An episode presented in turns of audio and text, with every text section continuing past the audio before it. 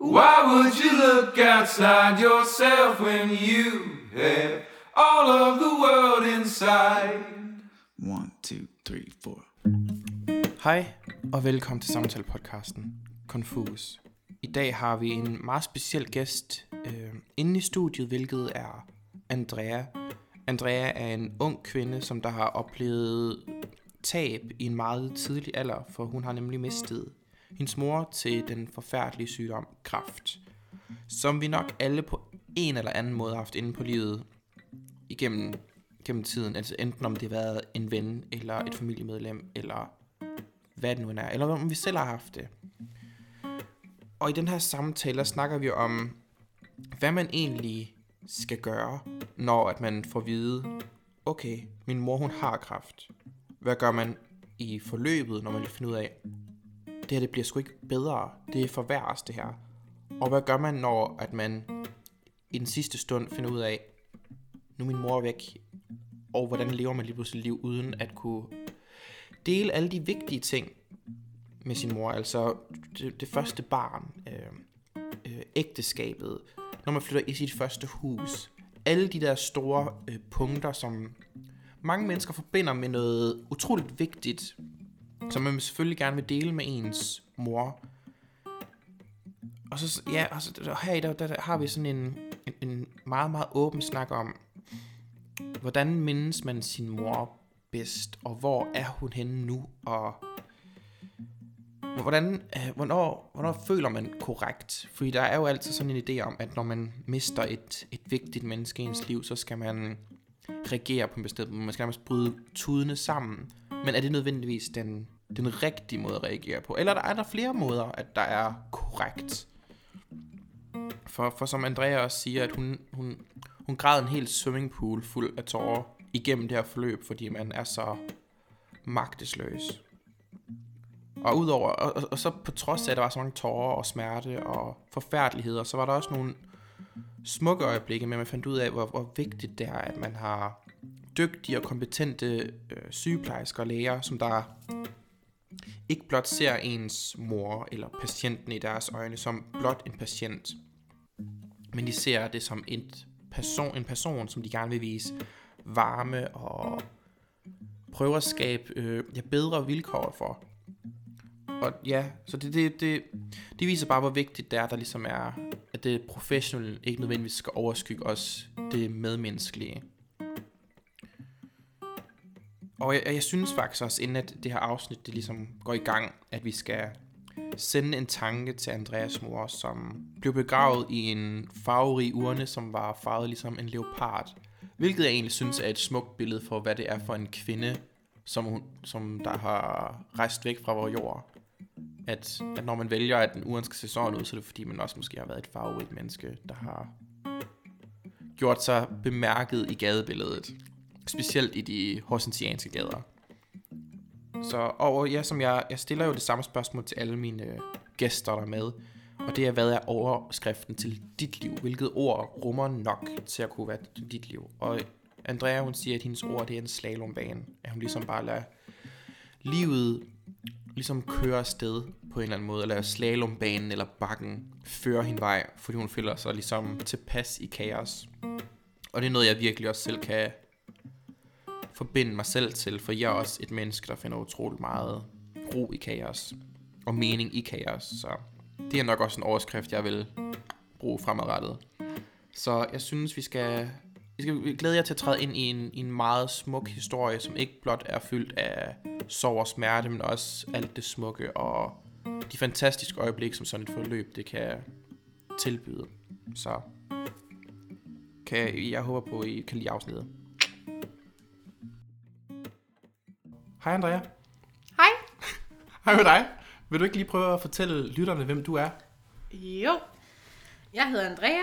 Øhm, og man skal jo selvfølgelig ikke fortælle alle ens øh, personlige detaljer, når man skal præsentere sig selv. Så jeg hedder Andrea, og øh, jeg er en frisk ung pige. Glad. Mega god humor. Øh, ja, og så lad os bare tage den nemme. Jeg bor i Horsens. jeg er pædagogstuderende, og ja, bor som sagt her i byen sammen med min kæreste. Mm-hmm. Ja, jeg er 23 år. Sådan. Ja, det er sådan lige nem. Jeg er lyshåret, blondine. Ja. Ja. Men Fyldt med tatoveringer, kan vi også Fyldt godt med tatoveringer. Min far, han er tatovør, så det Det har er jo- nemt. Har han lavet dem på dig? Ja, stort set alle faktisk. Sådan. Jeg har tre, jeg har fået lavet af tre amerikanere. Øh, og det var tilbage på Prisoning for et par år siden. Jeg var studerende, havde ikke så mange penge, så jeg forhandlede mig til at få de her tre tatoveringer for henholdsvis 500 kroner, en gammel LP, jeg havde til at ligge derhjemme, og en spandauer fra lavkagehuset. Så Sådan. udover de tre, så er det min far, der har lavet alle mine tatoveringer, ja. Sikke en betaling. Ja, Ah, men altså, det er jo perfekte bytte. ja. Du fik noget, du kan have for evigt. Og, jo, Fuldstændig. Så man kan jo også godt skrive Krejlerkongen på CV'et. Ja, Ja. det synes jeg er en fantastisk Ja. titel. Det, øh, ja. Så det er mig. Mm. Har du altid boet i Horsens? Ja. Eller nej, det har jeg faktisk ikke. Mm. Jeg har i en kort periode boet i Vejle. Uha. Det var søgte langt væk. skrækkeligt. Nå, Så hvis min ekskæreste lytter med, undskyld. Undskyld, det var en skrækkelig tid, ven. øh, nej, altså, det var dejligt. Jeg øh, ville vildt gerne flytte hjemmefra, og fik lige pludselig muligheden for at kunne få min egen lejlighed meget billigt, fordi han arbejdede i udlandet, så det var en halv husleje. Og en lejlighed for mig selv, øh, udover når han jo lige var hjemme en gang hver tredje Mhm. måned. Øh, Ja. Så det var rigtig dejligt. Øh, startede på Syddansk Erhvervsskole som Ja. bager konditor. Fordi jeg kunne sgu ikke få noget arbejde i Vejle. og jeg var nødt til at få en indtægt. Så jeg startede på bager konditor, så jeg spiste kage et halvt år hver dag. Sådan. Ja. Og så sidst blev træt af kage? Nej, Nå. men øh, jeg gad sgu ikke stoppe klokken 4 om morgenen for det. så jeg flyttede tilbage til Horsens Aha. Og søgte ind på pædagogseminariet, som jeg altid har villet. Ja. Så, så det var rigtig fint, ja. Mm. Ja. Er du færdiguddannet? Nej, Nej. det er jeg ikke. Mm. Øh, min stamklasse øh, afleverer bachelor her om en uge. Uha. Eller nej, har lige afleveret i fredags og skal op og forsvare øh, her med en uges tid. Jeg bliver færdig med et år, Mm. og det er fordi, jeg har valgt at tage et års overlov. Øh, Ja. Fordi min mor blev rigtig syg Ja. under mit studie. Ja. Ja. Er du, er du lidt bitter? Over at de er færdiguddannet? Nej, kan du se det på mig? Nej, overhovedet ikke. Jeg synes, du ser så. Jamen, øh, jeg gad det også godt være færdig. Aha. Det skal da slet ikke være nogen hemmelighed. Mm-mm. Øh, men jeg er heldigvis i, i en super god situation, og, og er kommet ind i en rigtig god klasse, Ja. og har fået nogle gode studiekammerater. Øh, og nu jeg er lige, jeg er lige startet op i min sidste praktik. Mm-hmm. Forhåbentlig min sidste praktik. krydser fingre. Ikke mere overlov til mig. øhm, og kom et vildt dejligt sted hen, og rigtig glad for der, hvor jeg er. Nu har jeg været der i tre uger, så det er jo stadigvæk relativt nyt, og meget kan nå at vende, men øh, tingene tegner sig rigtig godt, og det håber jeg bare, det bliver ved med. Mhm. Mm-hmm. Fordi indtil videre, så glæder jeg mig til at komme på arbejde. Det er da mega godt at høre. Ja, Men nu nævnte du selv, at øh, du tog overlov på grund af, at din mor blev syg. Ja. Skal vi prøve at dykke ned i, i det? Hvad Ja. der er sket der? altså overlov, det er måske at kalde det noget, det ikke er, fordi øh, det var det faktisk ikke. Jeg har ikke taget overlov. Jeg droppede ud. Okay. Øhm, men sådan som jeg ser det, altså i det store billede, så var det en form for overlov for mig. Mm. Øh, det der sker, det er, at øh, det år, jeg starter på pædagogseminaret, det gør jeg i februar 18. Mm-hmm. Øh, den 4. februar, tror jeg, februar, 4. februar 18. Øh, og start januar 18 får min mor konstateret kræft. Mm-hmm. Hvad er det for noget kraft? Jamen, det er centreret i tarm og underliv. Okay. Og i starten var det uvist, hvor det havde været startet hen, men det er jo primært tarm. Og, og til at starte med i forløbet, der øh, er der jo de her kemoforløb og bla bla bla, og det tegner sig godt. Det, der så sker senere hen, det er, at min, øh, min mor bliver rigtig syg. Ja. Øh, som sagt, så havde hun tarmkræft, øh, og det ender med, at min mor over sommeren 18 får tarmslyng, Ja. og der går mange dage før, at det sådan bliver opdaget, at det er et tarmslyng. Mm-hmm. hvor hun egentlig er blevet øh, fodret lidt med noget afførende, Mhm. mm-hmm. øh, for ligesom at få gang, fordi de var bange for, at det var fordi, hun var forstoppet. Ja. Øh, hvilket det jo så viste sig, at det ikke var. Så det ender i utal af grimme operationer, Mm-hmm. øh, og ubehagelige scenarier, og øh, omlægning af familie.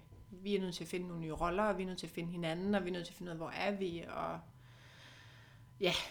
Øh, og oven i alt det her, der får jeg en ny kæreste Uha, ja. som jeg stadigvæk er sammen med i dag, tre år senere. Men øh, så der, der skete rigtig, rigtig meget. Og for mig var det rigtig, rigtig svært at være studerende. Mm-hmm. Eller det er måske også groft sagt, det var egentlig ikke svært at være studerende, for det var et frirum. Det var Mhm. faktisk et sted, hvor jeg var tvunget til at have et andet mindset. Ja. Jeg var tvunget til at, at have fokus på litteraturen og på udviklingen og på, altså for filerne, alt det, vi havde gang i. Mm-hmm. Men jeg havde ikke overskud. Nej. Øhm, så jeg havde brug for noget andet. Og jeg søgte noget andet. Øhm, og jeg var fandme ude i alt muligt. Men så en ting slog mig, det var, hvis jeg ikke skulle være, fris, eller hvis jeg ikke skulle være pædagog, hvad skulle jeg så? Jamen så kunne jeg sgu godt lide hår. Ja. Og så ved jeg ikke, altså en eller anden febrilsk handling gjorde, Så droppede at du ud? Jeg droppede ud. Ja. Øh, selvfølgelig i samråd med, med min kæreste, fordi der, der er man jo nødt til at gå ind og tænke, mm. økonomi og hvad sker der? Og, men det var med samråd med ham, og, og vi fik snakket om det, og jeg kan sgu godt lide at være forfængelig, jeg ser godt ud, og Mm-hmm. jeg kan godt lide hår, og jeg voksede op, voksede op i sådan, sådan lidt kollektiv øh, rammer, kollektive rammer, med en, der er frisør. Øh, det er jo min, og nu i citationstegn, min store søster, øh, som er en meget, meget dygtig frisør i dag, øh, og hende har jeg sgu altid set lidt op til. Ja. Og så tænkte jeg bare, alting sejler ved mig lige nu. Der skal ske noget nyt. Ja. Jeg kan ikke være her, hvor jeg er. Jeg er nødt til at gå ind aktivt og tage en handling for at ændre min hverdag. For min hverdag lige nu, den er rigtig, rigtig skidt. Mm-hmm. Jeg kommer fra det mest, altså... Jamen, den mest kernede, fucking kernefamilie, der Mhm. findes. Ja. Uden at vi er kernefamilie, for vi er den mest atypiske familie. Altså, vi, jeg har en far, der er tatovør, min mor hun var jo fis med alternativ healer og naturmedicin, og jeg skal komme efter dig, ikke? Så jeg kommer fra noget meget alternativt, men jeg kommer fra noget meget traditionelt rammeset. Altså, Ja. vi var meget tætte, vi spiste sammen hver dag. Altså, vi var sammen. Jeg, jamen, jeg så mine forældre hver dag, lige Mhm. indtil den dag, min mor døde, føler jeg. Ja. Øhm, så det kunne jeg ikke ændre på. Jeg kunne ikke ændre på min familiestruktur. Nej. Jeg kunne ikke ændre på mit parforhold. Jo, så kunne jeg bryde det. Ja. Og det prøvede jeg faktisk. Når du prøvede at bryde det. Ja, fordi altså man kan sige, dengang jeg mødte min kæreste Andreas, der, øhm, altså der, der vidste han ikke, hvad min situation var. Vi mødte hinanden i byen, og det var sjovt, og vi så hinanden. Mm. Og jo, man fortæller jo lige lidt, og, men jeg havde egentlig hvis det ikke fortalt, hvad min situation egentlig, sådan, som sådan var. Han vidste, at jeg havde en mor, der var lidt syg, og sådan, men omfang, det var vi ikke rigtig inde på. Mm-mm. Og jo længere mig og Andreas vi kommer, øh, jo mere syg bliver min mor.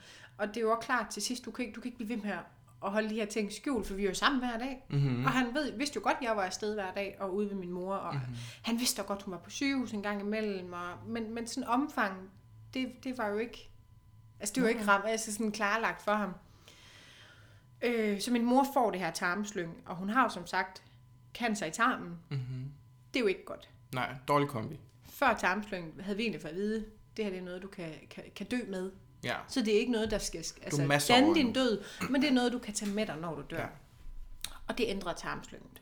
Hvor lang tid gik der fra, hun fik øh, cancer, til at hun fik tarmslag? Der gik nok omkring et halvt års tid, Ja. øh, og hun nåede at have et par kemoforløb. Jeg tror faktisk tre eller fire, fordi det er jo sådan en kemo, et kemo, en kemopakke strækker sig over tre forløb, hvor det hedder dag 1, dag 8, dag 13 eller sådan noget. Ja. Altså, og så starter man forfra, og så bliver du scannet ind imellem for at se, hvordan der var ledes. Mhm. Mm-hmm. Og jeg skal ikke sige, at det er det, er det rigtige, og det er slet ikke sikkert, det var det, der lige var tallene for min mor, men det var cirka det omfang. Mm-hmm.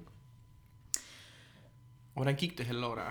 Det gik pissegodt. Ja. Hold kæft, det gik godt. Og scanningerne var... Gik De var gode. vej? Ja. De jo gode. Øhm, jeg har været i hjemmeplejen i mange år, så jeg har set mange mennesker dø. Mm-hmm. Øh, eller mange. Men jeg har set, altså, Ja. Ja. jeg har set en håndfuld dø, og jeg har været til stede altså ved et par stykker, og det har været helt okay. Og jeg har også set, hvornår ting vender. Ja. Hvornår ting vender til det bedre. Mm-hmm. Øhm, og det der, det der sådan lidt var for os, det var, vi har altid været en familie, der var rigtig god til at tale om elefanten i rummet, men det var vi jo lige pludselig ikke. Elefanten, den blev der. Vi snakkede om alt andet. Mm-hmm. Men en ting, vi sådan var ret gode til, øh, min mor var en dame, der også havde angst, så det vi var ret gode til, det var at fortælle hende, at det går jo godt. Ja, ja. Og så længe vi har et håb, så skal det jo nok gå. Ja, ja. Kan vi holde fast i det? Ja. Og scanningerne gik godt. Det- Vi kom faktisk til et punkt, hvor, hvor nærmest canceren var blevet kapslet inden. Mm-hmm. Og det, man sådan kunne læse ind i det, det var, at hvis det kunne blive ved med at være sådan, så kunne man på sigt, altså måske skulle have et, forl- altså en kemo, et kemoforløb en gang om året.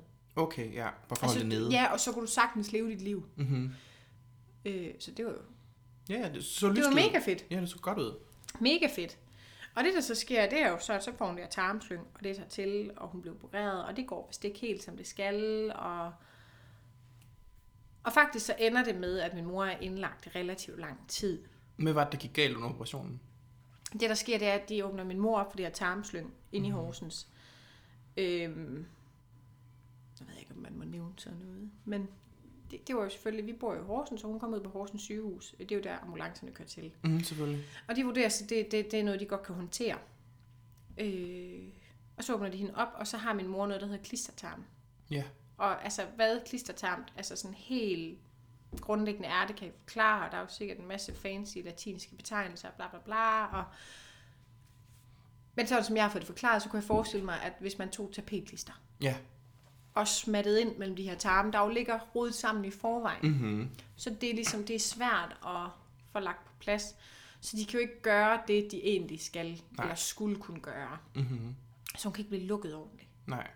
Og min mors tarm havde gjort det, den havde dannet noget, der hedder en fistel, Ja. som er en naturlig udposning. Og det havde den gjort relativt langt op på grund af den her, eller det her slyng. Mm-hmm. Så man ligger så en stomi lidt længere op. Ja. Og det er, jo ikke, altså det er jo ikke godt, fordi man skærer jo en stor del af tarmen af, og tarmen, altså er der jo en, altså er der jo en grund, den bearbejder over ernæring og føde, og alt det her udskiller det, vi ikke skal, og trækker fra, og bla bla bla. Øhm, så det var bare rigtig, altså det var rigtig nederen. Ja.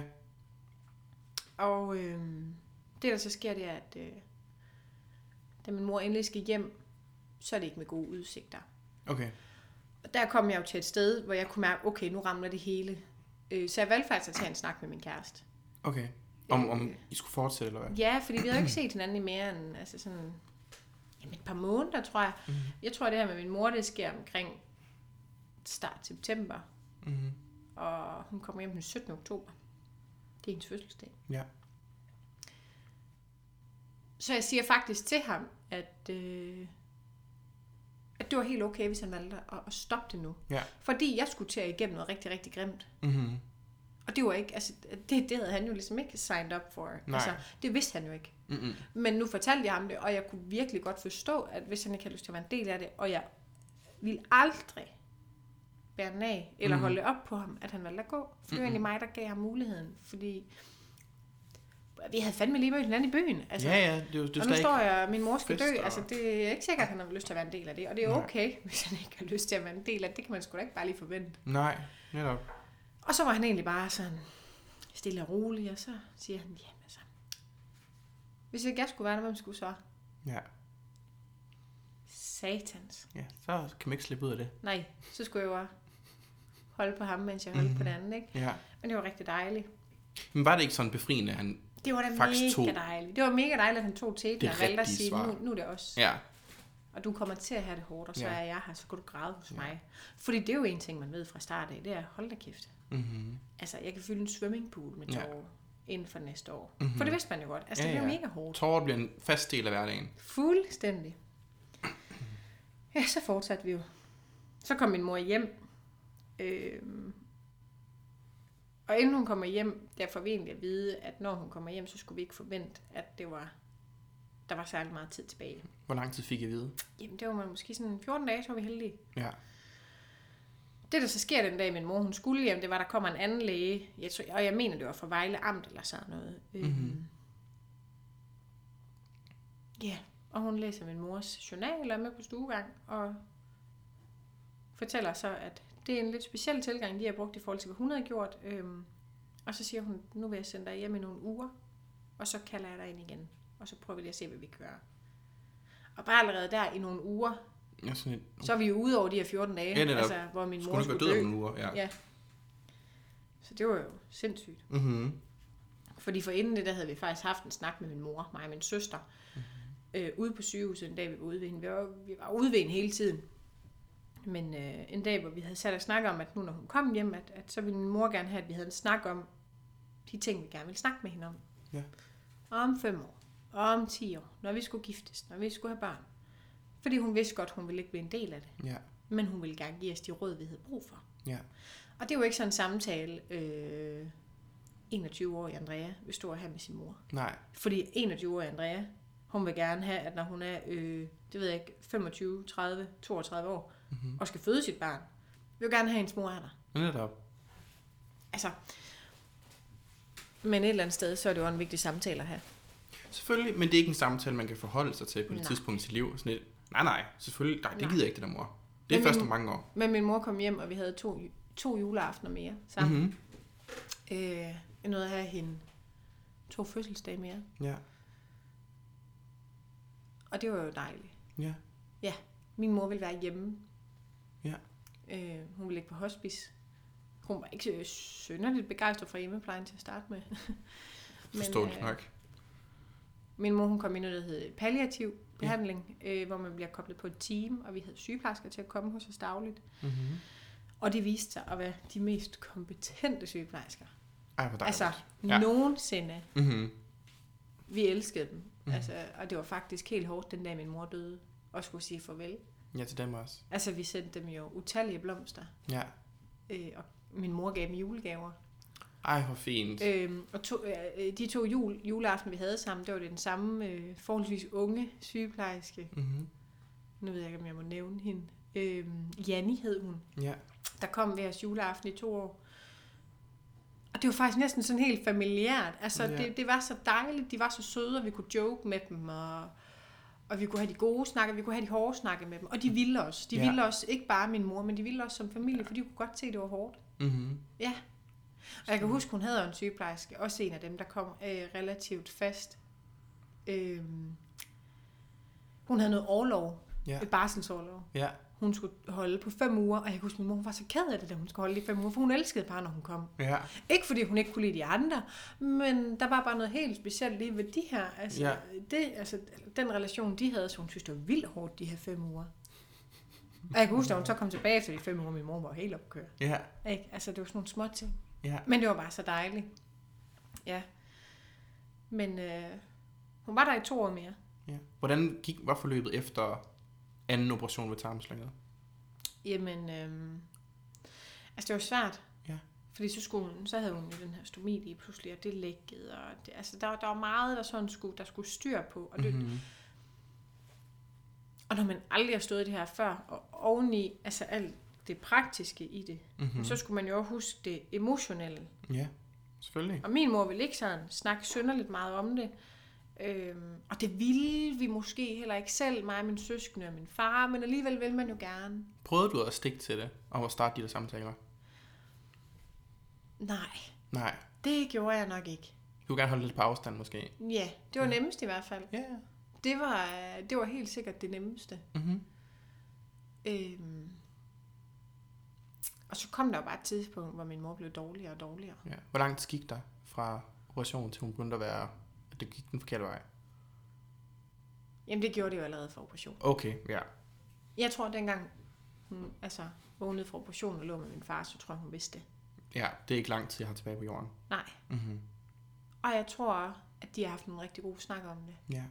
Min far er en fantastisk mand, Mm-hmm. og min mor og far har været sammen siden altså ungdomsdage for dem. Ja. Øh, og det var hårdt for min far. Mm-hmm. Forstå, forståeligt. Og min, det var min far, der passede hende primært, Ja. ja. sammen med os, altså med hjælp med os, ikke? Ja. Ja. Øhm, så jeg tror, de har haft nogle gode snakker om det. Hvornår vidste du det, at din mor hun ikke ville være her mere?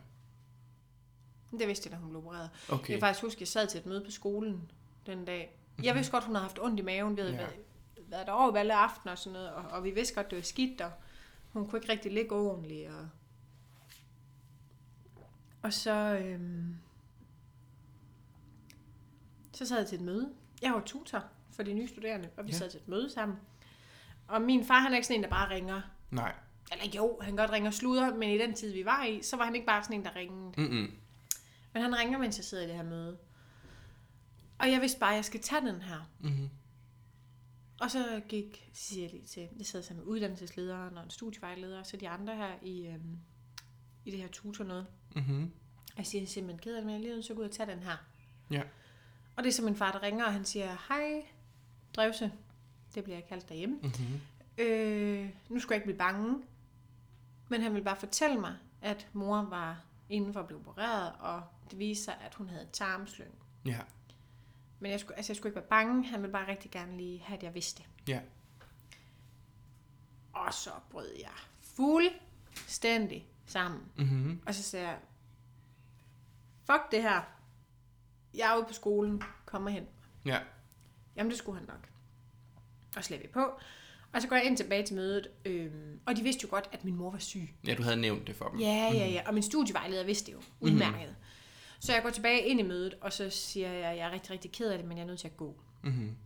Og så min studievejleder Anne, hun kigger på mig, og så siger hun, hvad, hvad sker der, Andrea? Og så siger jeg, at min mor, hun ligger og bliver opereret nu, Mm. og jeg ved ikke, hvad det er. Ja. Og så får jeg lov til at gå, og min far henter mig, vi kommer ind på sygehuset, og ja, så kommer min mor jo op efter operation, og hun er jo bare koblet op. Ja, ja. Alle slanger. Slanger over det hele. Everywhere, altså mm-hmm. regnbuen. Mm-hmm. Der er alle farver. Ja. Og der kan jeg faktisk huske, jeg var meget reflekterende dengang. Ja. Det var man jo. Og Jeg kan faktisk huske, at jeg fik en følelse af, at da jeg trådte ind til hende, Ja. Så sådan hele det her billede, jeg havde af mit liv og min verden, det fragmenterede lidt. Ja. Det var sådan lidt, der knækkede af for Og hvad, mig. hvad mener du med det? Jamen, hvis man kunne tage sit liv Mm-hmm. i et billede, Ja. i et frame, så knæk, altså det, det flækkede bare. Ja, altså, de stykker. ligesom fundamentet, at der kom en spræk, der voksede Mhm. mm-hmm. sig længere og længere op. Ja. Jeg kunne bare mærke, nu sker der noget. Ja. Så mit billede af mit liv, det fragmenterede bare Ja. lidt. Er det i forhold til, at du vidste, at min mor kommer ikke til at opleve mig være mor? Eller se om Ja, det tror jeg. Og, Jeg tror, der vidste jeg, min mor bliver ikke rask. mm-hmm. Ja. Og jeg skal miste hende. Mm-hmm. Ikke nu, men jeg skal miste hende. Og alle skal jo miste deres mor. Det er jo en naturlig ja, ting. Det ved vi alle sammen, men Jeg var igen, 21 år. lidt for tidligt. Lidt for 21 tidligt. år. Ja. Ja, jeg er er ikke klar. Nej, der skulle lige gå et par år endnu. Gerne 25. Ja. Ja, i hvert Men- fald. Det var jo ikke det, der var vores lod. Nej. Var det første gang, du brød sammen? Da Jeg du fik det opkald? Nå, jo, ja, ja. Ja, Fordi der var jo et halvt år det for var inden. der, ja. Der var jo faktisk et halvt år for inden, hvor... Øhm, når man starter sådan et kraftforløb, altså når man kommer i de her omtalte kraftpakker, Mm-hmm. så sker tingene på, på, på øh, automatisk vis. Der er forskellige procedurer, der er forskellige bla bla bla bla. Og du skal til, undskyld mit sprog, men fucking mange samtaler. Ja. Og hvad får du ud af de samtaler? Ja. Ja. Du skal eddermame have et skarpt øre. Hvorfor? Fordi at, at man jo som læge jo ikke bare må konkludere, uden at være sikker. Når man må ikke sige, det er sådan, det ender. Nej, Punktum. nej. Det er sådan noget vagt et eller andet. Ja, det kunne jeg få. Nu var jeg ikke selv med til mm. nogle af de her snakke Okay. på Skype, men, men det var det, jeg kunne forstå, fordi min mor kom hjem og anede faktisk ikke særlig meget. Nej. Delvist fordi, at hun øh, jo nok var bange.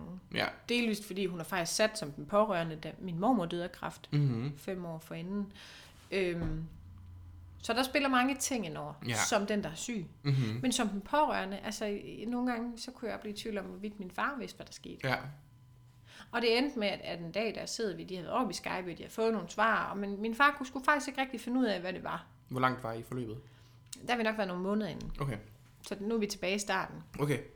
Øhm, og jeg sidder her med min mor og min far, og mine søskende, de er ude til et eller andet, altså de er til nogle sociale begivenheder hver især. Øh, og min far, han vil bare gerne have svar. Ja. Og jeg tror for ham her, der er det frygten, der ligger og ulmer. Ja, ja. Skal jeg miste min kone? Ja. Så det ender faktisk med, at han ringer op til overlægen. Mm-hmm. Og min mor, hun er sådan, nej Lars, Mhm. nej, det gider jeg ikke. Mm-hmm. Og han er bare, han er kold, og han er bare sådan, "Jamen, jeg skal vide det nu. Ja. Og der kan jeg huske, sad jeg bare og tænkte, stop, stop, stop, stop, stop. Ja. Altså bremsen i, Mm-hmm. mor siger nej.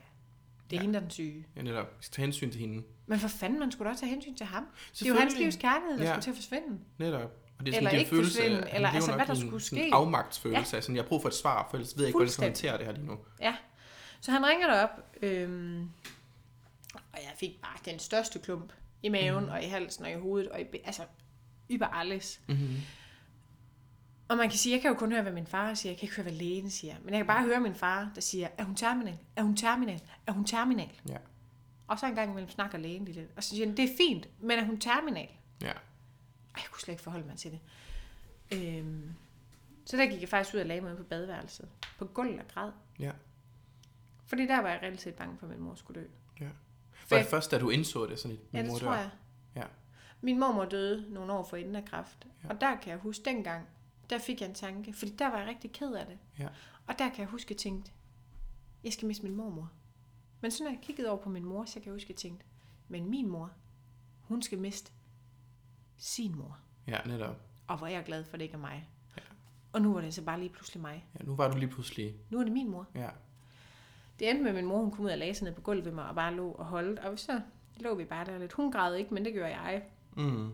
Og så gik der ikke længere, så kom min far ud og kunne så fortælle, hun er ikke terminal. Ja. Men jeg kan huske, at jeg nåede at ligge og have, have følelsen af, hvor er jeg taknemmelig for, at mine søskende ikke er i det her helvede, Ja, lige nu. som jeg er i lige nu. Mm-hmm. For lige nu, der kunne jeg faktisk ikke komme længere ned, tror jeg. Nej. Nej. Hvordan var det, øh, slutningen af forløbet? Det var fandme en skør ting. Mm-hmm. Det, der sker, det er, at min mor kommer til et punkt, hvor hun ikke er i stand til at få behandling. Ja. Og man kommer til et punkt, hvor man ved, at nu går det kun én vej. ja, man kan se det. Så nu skal vi bare have det bedste ud af det. Mm-hmm. Og vi var derhjemme, og det, der sker, det er corona. Det rammer, ja. Øhm, jeg var exceptionelt glad for corona. Nå, Hvor, Ja. hvorfor det? Fordi corona gjorde, at, jeg, øh, at der ikke var en forventning om, at jeg mødte op nogle steder. Nå, ja, selvfølgelig, der er online undervisning. Corona gjorde, at jeg bare kunne være til stede. Ja. Ja. Så jeg var ved min mor. Sammen med min søskende og sammen mm-hmm. med min far. Øh, og min kæreste havde købt en båd. Og den havde han skulle fået listet ind i svigerfars øh, indkørsel. Ja. Så vi var der bare. Og Ja. det var mega fedt. Mm-hmm. Øh, men min mor, hun blev dårligere og dårligere. Ja. Øh, kort inden hun dør, der sker der det, at vi øh, har en aften, mig, min søster, mor og far. Hvor det er som om, hun blomstrer lidt op. Ja. I lang tid havde min mor ikke været der. Og det forstod man nok godt, og man undede hende nok godt. Mm-hmm. Altså, hun var bedøvet, eller sådan, hun var ikke til stede? Hun var ikke til stede Nej, Nej, okay. mentalt. Ja. Altså, jeg tror, der, der, der var bare en frygt, der fyldte i hende, og det er Mhm. jo også okay. Ja, selvfølgelig. Jeg tror, jeg havde haft det på samme måde. Ja. Men vi havde en aften, og jeg ved ikke, hvad der skete. Mm-hmm. Fordi normalt, så klokken 9, 9-10 stykker, så lå hun i sengen. Ja. For så hun træt, og sygeplejersken kom, og hun skulle bla bla bla. Men her, der tror jeg først, vi gik i seng 11.30, og vi sad bare og snakkede. Mm-hmm. Vi snakkede om gamle kærester. Vi snakkede om pigeproblemer. Vi snakkede om ferier, og vi snakkede om barndomsminder. Ja. Og vi tog billeder af hinanden med et polaroidkamera. Ej, hvor hyggeligt. Ja. Og dem har jeg bare til at ligge derhjemme. Det er da dejligt at have sådan minde om en, Ja, et kort øjeblik, man var- var tilbage til at være... så skønt. Mor Og, og man nåede lige at tænke, vender det nu? Ja, selvfølgelig. Men det gør det jo ikke. Den naive tanke nok. Det var den naive tanke. Det var den egoistiske tanke. Ja, sådan, mor er For jeg vil tilbage. beholde det her. Ja. Jeg nåede at have tanken om, hvis det bare kan være sådan her resten af mit liv, så er det Mhm. okay. Ja. Men det var jo ikke okay. Nej. Vel, man skal, der, der skal man også lære at se ud over egen lille snude. Selvom det er svært, fordi Desværre. hold nu kæft, jeg elsker min mor. Mm-hmm. Og jeg ville jo bare have, hun var der for evigt. Ja, selvfølgelig. Øhm, så blev hun dårligere og dårligere. Og faktisk, en uge inden hun dør, 14 dage inden hun dør, der falder hun og brækker armen. Hvordan skete det? Jamen, hun havde lagt og sovet. Øh, og min fars søster sad ude i køkkenet, og jeg sat i stuen i online-undervisning, så jeg sat med headset på. Ja. Og så tror jeg, hun har kaldt, og vi har kørt hende. Og hendes ben, der, der var ikke kræfter i dem til sidst. Men hun havde prøvet at rejse op og gå, fordi hun skulle ud i tis, og så vælter hun. Øh, og det var jo sindssygt ubehageligt, og det var ikke fair. Nej. Øh, men det, der sker, det er jo så, at det, det tager nok mange af hendes kræfter til sidst. Ja. Og så går der et par dage, så fylder jeg år. Mm-hmm. Ja, så fylder jeg 23. øhm, og der var min mor der, det var rigtig dejligt. Ja. Var hun til stede? Det var hun Nej. nok ikke. Det Nej. var hun nok ikke. Nu er hun jo også smertedækket på en anden måde. Ja. Ja. Det var heldigvis ikke et grimt brud som sådan, altså, men, men det gjorde ondt, og det Ja, ja, tog mange hendes kræfter, for hun havde jo ikke mange. Og nu efter der dør hun. Mm-hmm. Ja, den 28. marts. Hvordan var det? Skrækkeligt. Ja. Ja, Hvordan skete det? Altså sådan hele scenariet. Hun havde nogle dage, hun havde to dage op til, hvor hun ikke sov, og man vidste jo nok godt, hvorfor. Altså, hun vidste jo nok godt, hvis jeg lægger mig til at sove, så er det var det. Ja, nu slutter det. Men øh, jeg kan faktisk huske, fordi vi prøvede virkelig at støtte hende i at få ro. Så min storebror, han sad faktisk og læste for hende en hel dag. Jeg tror, han sad nærmest i 10-12 timer. Han sad bare ved hende og læste og holdt i hånden. Ja. Læ- han, læser, han, han er antropolog. Klog, klog, klog satan. fantastisk menneske. Øh, og omsorgsfuld. Ja. Og så elsker han min mor. Og han sad bare og læste en eller anden studie, altså fagbog. Mm-hmm. Men det var jo ikke det, det var bare det, at han sad og læste. Ja, ja. Altså det var så dejligt, og hun lå bare. Og jeg lagde mig op til hende et par gange, og min onkel var forbi og sige hej, hvor hun kiggede op og sagde hej. Og, og så faktisk om aftenen, der, øhm, der, altså, der sker det. Mm-hmm. Og man er ikke klar, men man er også klar. Vi, mig og min bror, vi kunne godt se det, at vi får sådan egentlig sådan sagt til min far og min søster, og at nu skulle vi samle os. Ja. Og så sad vi bare rundt om hende. Min far stod og kyssede hende på panden, og min storebror på kinden, og min søster havde hendes hænder, og jeg nullede hendes fødder. Og, Ja. og vi sad jo bare og snakkede til hende og fortalte hende, at det var helt okay, at vi elskede hende. Mm-hmm. Og at det bare var så okay at bare give slip. Ja. For det var jo ikke fair mere. Nej. Og det havde faktisk ikke været fair i lang tid. Mm-hmm. Og så gav hun slip. Hvordan reagerede du? Jeg føler fandme ikke, jeg reagerede. Nej. Øh, hvor de andre, de begyndte at græde. Ja. Og det kunne jeg ikke. Der var ikke nogen tårer tilbage. Nej, for jeg havde grædt i rigtig, rigtig lang tid Mhm. mm-hmm. op til. Ja. Øh, mig og Andreas, vi tog hjem og sov om aftenen. Eller om natten jo. Og jeg kunne bruge den første halve time, tre kvarter til en time på bare ligge og græde. Fordi jeg var så bange for, at min mor hun skulle dø. Mm-hmm. Mm. Eller at hvis jeg vågnede i morgen, og hun ikke var der. Og det ikke havde været der. Så det var rigtig hårdt. Ja. Øh, og jeg gik ved en psykolog, og... Og bagefter, hvor jeg sagde, jeg græder ikke. Altså prøv, jeg græder ikke. Er der noget galt? Mm-hmm. Mm. Min mor er død, jeg græder ikke. Ja. Hvor han har bare sagt til mig, nej, men Andrea, du har grædt så længe. Så giv dig selv lov til ikke at græde. Giv dig selv lov til at have den her pause, for du skal nok Mm-hmm. komme til at græde igen. Ja. Og det havde han nok ret i. Når det kom bare forsinket. Jeg har Ja, grædt. ja. Jeg har grædt rigtig meget. Gør du stadig det? Ja, Mm-hmm. det gør jeg da. For jeg savner min mor. Selvfølgelig. Og selvfølgelig bliver det... Det bliver ikke nemmere, Mm-hmm. men det bliver mere tåleligt, Ja. hvis det giver mening. Jamen, lær at leve med det. Ja. Det bliver nemmere at leve med det. Selvfølgelig Savnet bliver det sorgen andet, og smerten man er det det anderledes. Ja. ja. Selvfølgelig, selvfølgelig. Ja, jeg, jeg har det også, altså, jeg kan ikke sammenligne, jeg har ikke mistet en forælder overhovedet, men jeg har en, øh, min, en af mine bedste veninder døde for syv år siden, ja. også af kræft, hvor hun fik kræft i øjet, og så, ja, det bredte sig. Der var Ja. ikke noget at gøre overhovedet. Hun Nej. blev 23 eller 24 år, og det var også, hvor vi endte at sidde på et hospice, hvor vi bare sad alle sammen og nussede hende og sådan noget. Og det er jo sådan, ja, skrækkeligt. du, du, må godt du, brække slip, det er helt Ja. fint. For man havde den følelse, at hun bare holdt ved bare for, for vores skyld, frem Og det er jo det. for hun var et, ikke et menneske mere sidst alligevel. Og det er jo også den samme med, med jer, sådan et, du fortjener at stoppe det her nu. Jamen det værste er, at man vil jo gerne beholde dem Ja, her. egoistisk. Ja, Sådan, vil gerne, men det er jo her. nemlig ren egoisme, Ja. fordi et eller andet sted, vi synes jo heller ikke, det er fedt at se dem have det så dårligt. Mm-mm. Men se, I lider for, for vores skyld. Nej. Så vi skal jo bare unde dem og give slip. Netop. For vi skal jo nok se dem igen en dag. Ja. Men, men nej, det, det er svært. Tror du på, at, du vil, at sådan noget med, at du vil komme til at se hende igen et eller andet spirituelt sted? Ja. Ja. Ja, vi skal nok mødes. Det er jeg Mhm. slet ikke i tvivl om. Og hun venter et eller andet sted på mig. Ja. Sidder og drikker en Aperol eller en, en Harbo Pilsner. ja. Ja. Jeg tror, hun er sammen med min mormor og min Ja. morfar. Øhm. Og så tror jeg, hun savner mig. Jeg Ja. tror, hun savner min søskende. Jeg tror, hun savner min far. Ja. Øhm. Fordi en ting, der er helt sikkert, var, hun var ikke klar til at tage herfra. ja. Hun har mange år endnu. Fuldstændig, og hun havde Ja. mange ting, hun skulle opleve. Og det var også det, hun gav udtryk for. Det var det, hun var bange for. Mm-hmm. Det var at gå glip af ting. Ja.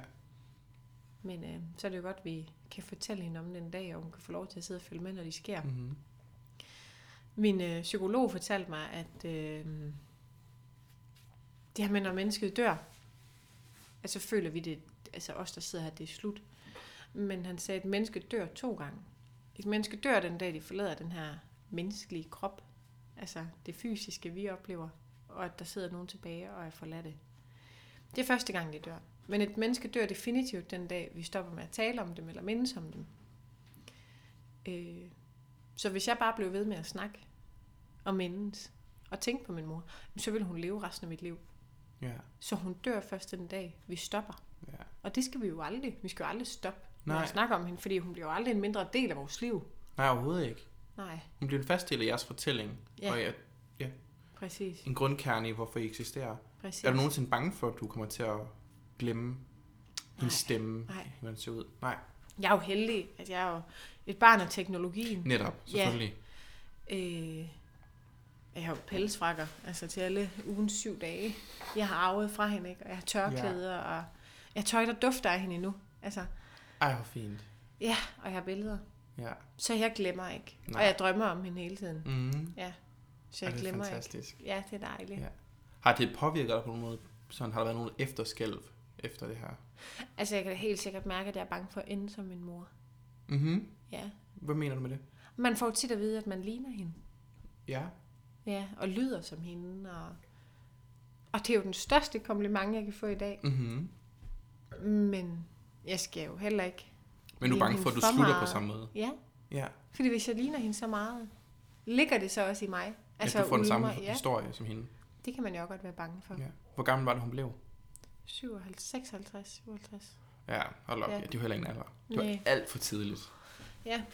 Ja, jeg er jo sindssyg. Mm. Altså, hun gik jo stadigvæk i byen og festede helt vildt. Altså, hun Sådan. var jo en rigtig prima. Der Farverig var en rigtig livsstykke. Ja, Ja. ja, for delen. Altså, jeg tror ikke, jeg kan nævne en, der ikke holdt af hende. Altså, mm. når man først havde mødt hende, hold kæft, hun var bare dejlig. Ja. Ja. Hun var farver, og hun var pels, og hun var kort afbladet hår, og hun var rock and roll, og mm-hmm. Am, altså, den største Anastasia-fan, der findes. Sådan. Og, ja, Ej, hvor fedt. Ej, hun var så sjov. Hun var så sjov. Mm.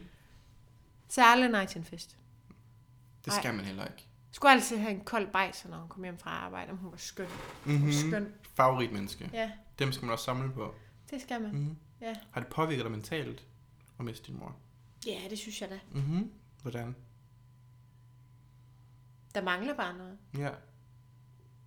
Og man kan bruge rigtig meget tid på at fylde ud. Ja. Men du kan jo ikke fylde ud med noget. Nej. Nej. Har du fået depression? eller Altså, Nej, det har jeg faktisk angst, ikke. eller Øh, et eller andet? Ikke noget, der er sådan er diagnostiseret eller på nogen Nej. Måder. Altså angst Mhm. har jeg døjet med, siden jeg var helt lille. Okay. Og mens min mor var syg, der påvirkede mig faktisk slet ikke. Nå, så, så ikke, var, havde du ikke angst overhovedet? Nej, der forsvandt den faktisk på en eller anden sjov måde. Men det var måske sådan lidt survivor. Ja, så nu skal bare overleve. Der er nu ikke tid til at forholde til min stærke, krop. fordi ja. det er hende, der døjer med det, ikke? Ja, Mhm. mm-hmm. men efterfølgende jo, så har den da peaked. Ja, og hvad, prøv at forklare, hvad, hvad, hvad, hvad mener du med det? Jamen, så sniger den sig op, så er jeg bange for at dø. Okay, så det er sådan dødsangst har? Fuldstændig, ja. Ja. Og jeg kan ikke forklare, hvorfor. Altså, fordi...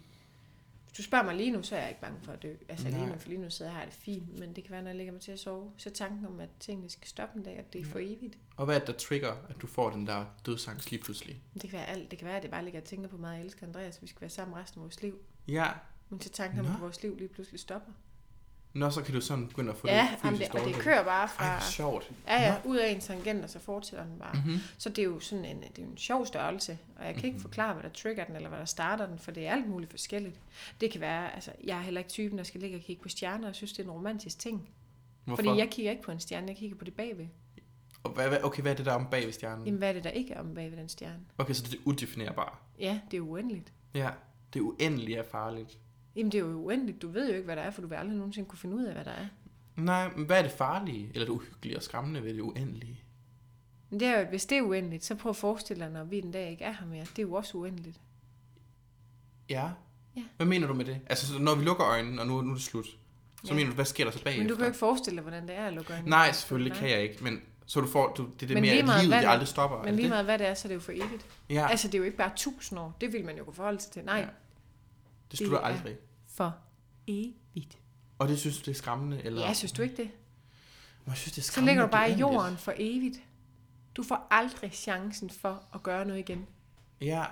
Fordi okay. det er jo for evigt. Okay, du, det er sådan, du tænker på følelsen af, at man bare ligger og ikke kan bevæge sig, bare ligger og bare Nej, tænke for jeg ved slet ikke, hvordan det er. Det kunne også bare være sort, men det er Ja, bare for evigt. Så er det bare et sort lærred for evigt. Det ved jeg ikke. Jeg tror ikke, jeg, nej, jeg, er ikke, jeg er ikke bange for det der, fordi det ved jeg ikke. Det er ikke noget, jeg tror, jeg har lagt nogle tanker i. At Det er en skør tanke. Ja, Og det er ikke, jeg kan næsten heller ikke forklare dig den lige nu, fordi følelsen ikke er i mig. nej, Men det er en skør tanke. Fordi jeg, jeg har ikke en, der døjer med angst, og sådan, så jeg kan ikke sådan sætte mig ind i følelsen. Jeg kender mange, der har angst. Så det synes jeg ikke er skræmmende, fordi sådan lidt, når jeg føler, for mig er døden betryggende, for det gør bare, at jeg lever livet mere troværdigt, og ja. jeg lever livet mere som om, at okay, det slutter på et tidspunkt. Fint, fint. Det kan jeg forholde mig til. Ja, det kan jeg bare ikke. Nej. Og det er jo mega skørt, for jeg gad godt bare kunne forholde mig til det, fordi jeg ved, det er uundgåeligt. Men det er også noget, der kan skræmme mig. Jeg har ikke lyst til det. Når du er ikke klar nu. Men det er forståeligt. Du lever stadig i udødelighedsfasen. Du er i 20'erne. Du er Det ved lidt, jeg "Åh, ikke, er om, udødelig." ja, det ved jeg ikke. Nej, Nej, for jeg synes ikke, jeg er udødelig. Gør du ikke? Nå, Nej. det er nok efter, du har mistet din mor og sådan noget. Men, men selvom jeg godt ved, at jeg ikke er udødelig, så betyder det ikke, at jeg har lyst til at dø. Det betyder mm. ikke, at jeg har lyst til det, at det skal stoppe. Og når jeg er 50 år, og forhåbentlig sidder sammen med Andreas, eller er 60 eller 70, Mm-hmm. så elsker jeg ham jo stadigvæk lige så meget, så jeg har heller ikke lyst til, at det skal stoppe. Nej, selvfølgelig. Men jeg har ikke valget. Og det synes du er skræmmende? Ja, At det der synes er jeg er noget... mega uhyggeligt, at der er... Ikke at det er et andet menneske, fordi der er ikke nogen mennesker, der er i stand til at tage beslutninger om, hvornår andres liv skal ende. Mm-hmm. Men der er noget helt overordnet her. Altså, Altså, kroppen til stop på et tidspunkt. ja, Ja. og du har ikke noget valg. Nej. Du skal dø. Ja. Det er sgu da lidt uhyggeligt. Jo, det er det nok. Og så er det for evigt. Ja. Måske er jeg bare sådan lidt... Det er en af de få punkter, jeg måske er lidt, lidt mand her. At Ja, jeg, jeg tænker ikke så meget. jeg, jeg bryder mig ikke selv med sådan nogle tanker så meget sådan med, Nå, det slutter en dag, og det er for evigt, og... Det kunne fandme være dejligt, hvis man ikke skulle det. Ja, Altså. ja. Ja, Ja, det... det er jo heller ikke, fordi det er hver aften. Men når den lige sniger sig op, jeg bliver så Mhm. skidt. Vil du ikke prøve at forklare, hvordan det føles? Men det føles som at få en sort sæk over hovedet, og så føles det som om, at øh, du brænder indvendigt, men din hud den fryser. Øh, Hold da op. du Som skal kaste op. nærmest. Ja, du skal kaste op. Øh, jamen, det er en nedsmeltning mm-hmm. af Mhm. følelser.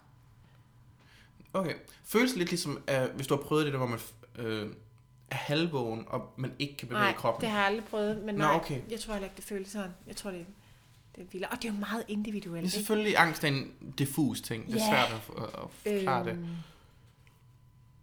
Jeg tror bare, det er en største frygt. Det er angst. Ja. Når det får lov til at... Ja, Men det er jo også svært igen, for det manifesterer sig bare forskelligt ved alle. Men, selvfølgelig, øh, selvfølgelig. Fordi den måde, jeg har forstået angst, det er, angst det er, en, en, det er kroppen, der går i ja, Alarmberedskab. ja, alarmberedskab. Ja. Ja. Der sker noget farligt nu, så nu skal jeg gå i jeg skal overlevelsesmode. Og det der jo rent faktisk er med det, det er, fordi mange af de er jo sådan, at det er jo psykisk. Ja, det er en psykisk Mhm. mm-hmm. ting. Ja. Altså fordi det er noget, der starter op i, i hjernen. Men det er så overbevisende, at kroppen reelt set, fysisk, går i alarmberedskab. Ja. Ja. Så det går jo fra at være i dit hoved, men til at være fysisk. Ja. Så det er jo ikke bare en tanke. Og hvordan er det, er fysisk? Hvordan er det, du kan mærke det Jamen fysisk? det er jo følelsen af, at huden brænder, eller hjertet det hammer, eller du føler hyperventilation, Ja. eller svimmel, øh, sådan lidt sortner for øjnene. Mm. Øh, det er jo kroppen, der lukker lidt Ja. ned for at passe på sig selv. Tror du også på det øjeblik, at- at du måske jeg overlever ikke det her? Ja, for satan. Okay, det er virkelig Jamen, for du er overbevist, at du ja. har det skidt. Ja, Man har det skidt. Jeg har da ringet til lægevagten et par gange, fordi jeg er gået i panik. ja. Ja. Hvad får du egentlig at vide, når du ringer til lægen? Jamen, det er nok bare angst. Træk vejret.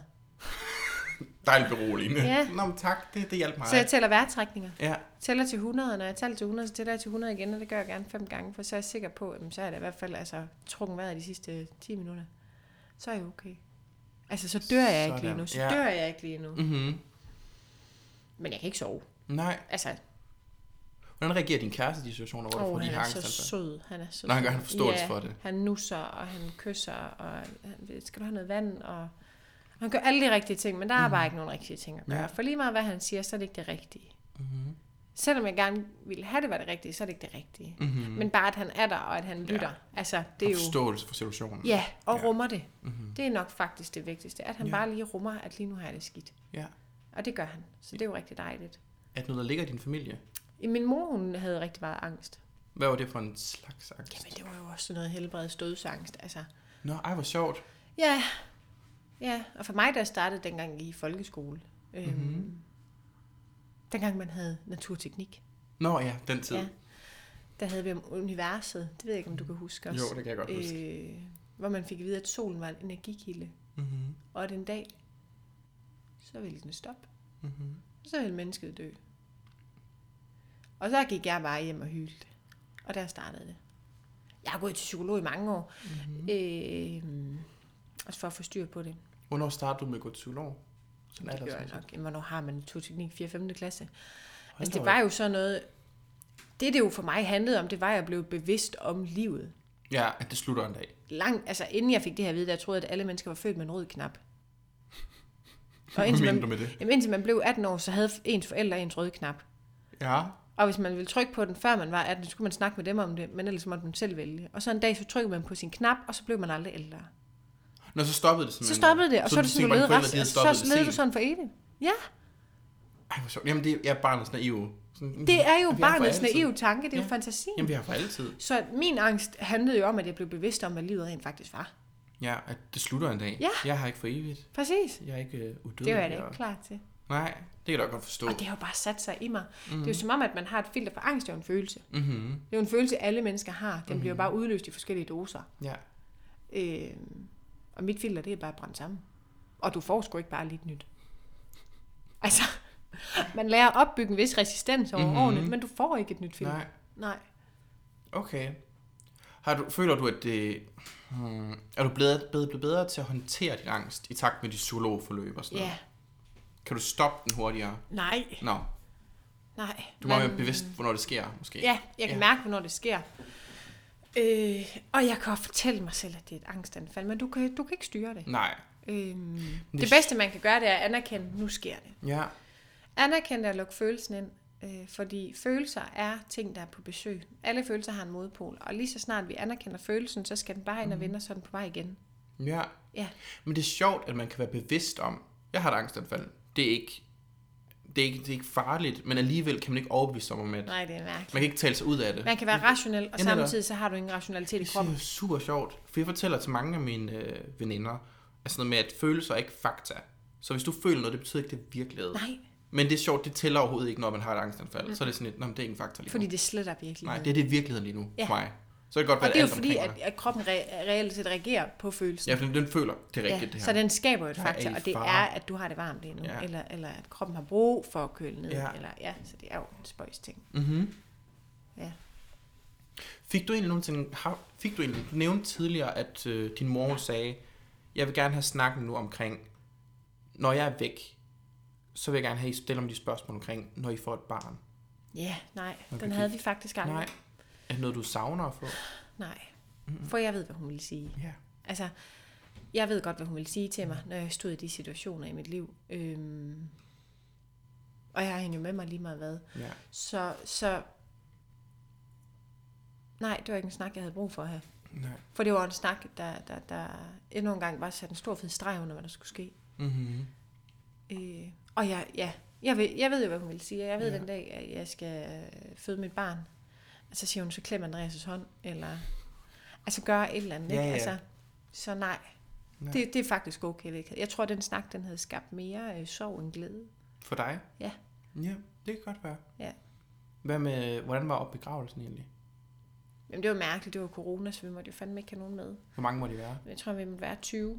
Ja, det er jo begrænset. Ja, og min mor havde veninder og familie, og det endte faktisk med, min kæreste, han ikke var med.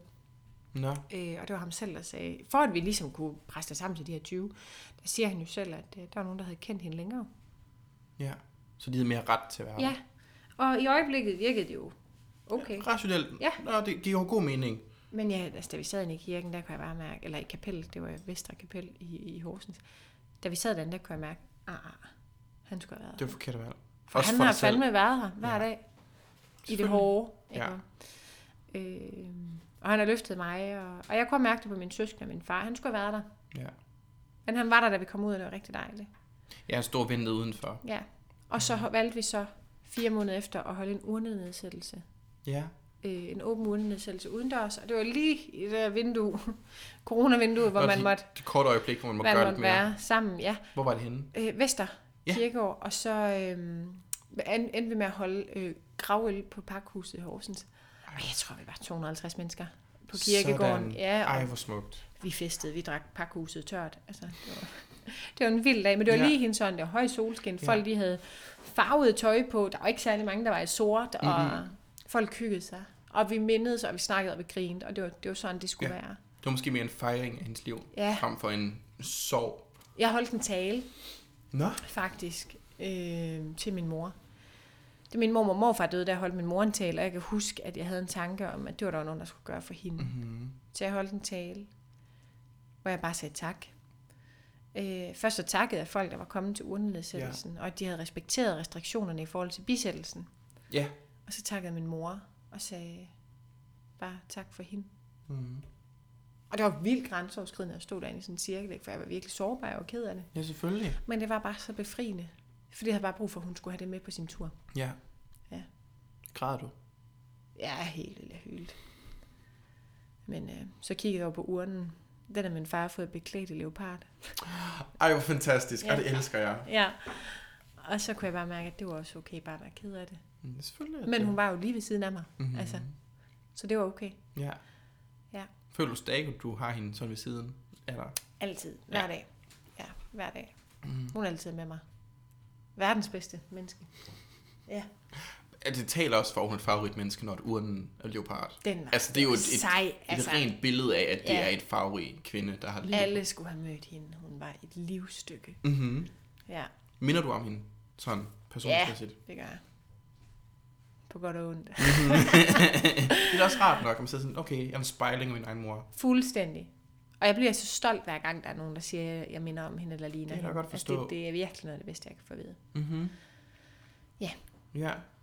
Hvordan har, har det påvirket dine sådan familierelationer efterfølgende? Sådan dit forhold til din far og sådan noget? Er det blevet Nej. anderledes? Nej, vi har været vi er lige så tætte, som vi altid har været. Vi har altid været ekstremt tætte. I er ikke blevet sådan mere med, at I siger, at I elsker hinanden nu? Nej, det har vi altid gjort. Nå, Nå, det- Vi kan jo fise med ikke engang lægge på, og sige, elsker dig. Når det skal kaste Ja. ja. sted hele tiden? Ja, og det bliver det. Og det har det altid gjort. Så mm-hmm. på den måde, så, så har vi formået at beholde vores naturlige relationer til hinanden. Så det er rigtig dejligt. Ja, Ja. det er fantastisk. Vi nærmer os også øh, slutningen, og der stiller jeg øh, alle mine gæster det samme spørgsmål. Ja. Og det er, hvad er overskriften for dit liv? Selvom du ikke har været i super lang tid endnu på jorden, så det stadig ikke... er et godt spørgsmål. Ja, hvad er overskriften? Der er godt nok mange, man kunne give det. Mhm. Øh, og det vil være en slalomtur. Ja, hvorfor? Ja. Jamen det er jo nok fordi, at øh, vi har alle sammen en fælles endestation. Mm-hmm. Og nogle de går jo bare lige frem. Ja, Men det gør jeg skisme ikke. Altså det kan man ikke sige. nej. Og hvis der var en opskrift på livet, så ville jeg heller ikke følge den. Nej, du er mere en... Vi, vi tager, Vi tager det, som det kommer. Ja, Ja, lad vejen køre, som den kører. ja det skal nok gå. Ja. Og det skal vi nok finde ud af. Ja, Ja, Ej, det kan jeg virkelig godt lide. så det er en slalomtur. Ja, det synes jeg er utroligt smukt sagt. Ja. Det elsker jeg. Det tror jeg også, er den, jeg vil leve efter nu. Ja. Lidt. Så lad det kaos bare være... Bare lad det være kaos. Ja, så ser Ja. vi, hvad der sker. Nok Jeg fungerer heller ikke godt, når det er helt rent. Same, Der skal jeg være lidt rodig for at finde de gode ting. same, same. Ja. Jeg er fuldstændig. Jeg Det fungerer godt i kaos. Jeg er Ja. også et, et rodehoved af natur. Jeg fungerer godt i rodet Ja. omkring mig. Det er skønt. Netop, Mm. det er dejligt. Mm. Der er ikke for mange nuller, men, men rod, det er godt. Ja, godt være rent sådan Ja, Men rodet kan jeg godt håndtere. Lige meget. Præcis. Ja. ja. Men med disse ord, så synes jeg faktisk, at vi skal sige... Jeg er utrolig glad for, at du vil stille op her i podcasten, og meget glad for, at du vil fortælle din historie omkring at miste sin mor, og hvordan man håndterer det. Jeg er mega glad for, at jeg må være med. Det har været en tak, sand fornøjelse. Åh, oh, det er jeg glad for at høre. Jeg kommer helt- gerne en anden gang. Uha, ah, men altså, det skriver jeg ned allerede nu, så er jeg klar til at invitere Ja. ind igen. Så med disse ord, så siger jeg igen tak for, at du var med. Jamen selv tak. Say,